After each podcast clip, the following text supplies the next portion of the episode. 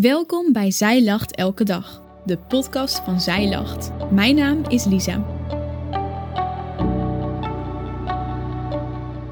Dit is de overdenking van 9 juni door Hadassah Stehauer. Wie was een van de belangrijkste koningen van Israël? Die vraag kreeg ik tijdens een van de eerste colleges van het nieuwe schooljaar. Al snel dacht ik aan David, die toch wel de bekendste koning van Israël is. Of Salomo, die de tempel voor God bouwde. Of misschien zelfs nog wel Saul, omdat hij de eerste koning was. Hoewel dit goede antwoorden waren, was het niet het antwoord waar de docent naar zocht. Het goede antwoord was koning Omri. Wie, denk je vast? Nou precies, dat dacht ik dus ook. Ik had geen idee wie koning Omri was.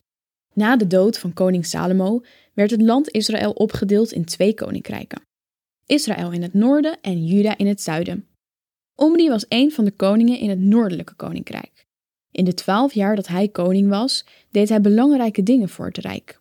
Door seculiere geschiedschrijvers wordt hij daarom ook wel gezien als een van de belangrijkste koningen van het noordelijke rijk. Want na jaren van onrust en oorlogen met de omringende landen bracht koning Omri rust en stabiliteit in het rijk. Hij sloot vrede met het zuidelijke rijk Juda en wist goed stand te houden tegen andere vijanden. Daarnaast liet hij verschillende belangrijke projecten bouwen, waaronder de hoofdstad Samaria. Hij deed tijdens zijn regering dus goede zaken. Daarom wordt Israël in sommige oude geschiedschrijvingen zelfs het land van Omri genoemd. Ook in de Bijbel wordt over Omri gesproken. 1 Koningen 16 vertelt kort over zijn koningschap. Omri werd koning van Israël in het 31ste regeringsjaar van koning Asa van Juda. Hij regeerde twaalf jaar. Toen hij zes jaar in Teerza had geregeerd, kocht hij van een zekere Semer voor twee talent zilver een berg. Hij liet er huizen opbouwen en noemde de stad die hij liet bouwen Samaria, naar Semer, de vorige bezitter van de berg. Omri deed wat slecht is in de ogen van de Heer. Zijn gedrag was nog erger dan dat van zijn voorgangers.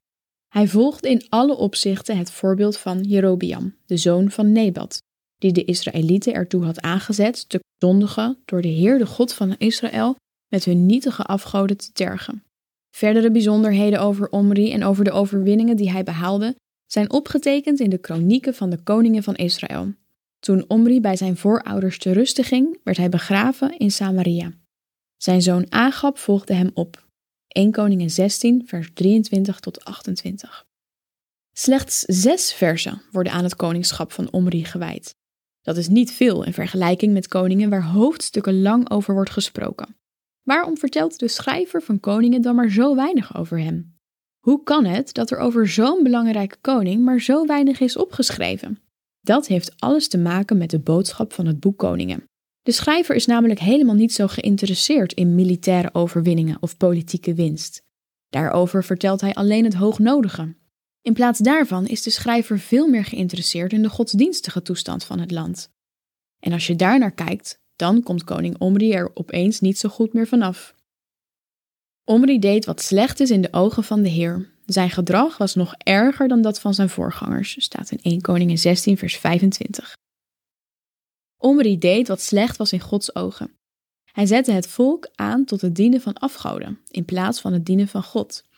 Hij was daarin nog erger dan alle koningen die hem voor waren gegaan. Hoeveel hij ook bereikte in zijn tijd als koning, hoe belangrijk de vrede ook was waar hij voor zorgde en hoe mooi de steden ook waren die hij bouwde, het is niet wat de schrijver van koningen zo belangrijk vond. Het is niet waar de mensen Omri uiteindelijk aan zouden herinneren. De schrijver laat zien dat er iets veel belangrijker is dan prestaties, behaalde doelen en aanzien. Hij laat zien dat het veel belangrijker is hoe je leeft ten opzichte van God. Dat het er veel meer toe doet wat God van je leven vindt. En dat alleen wat goed is in Gods ogen het waard is om te herinneren.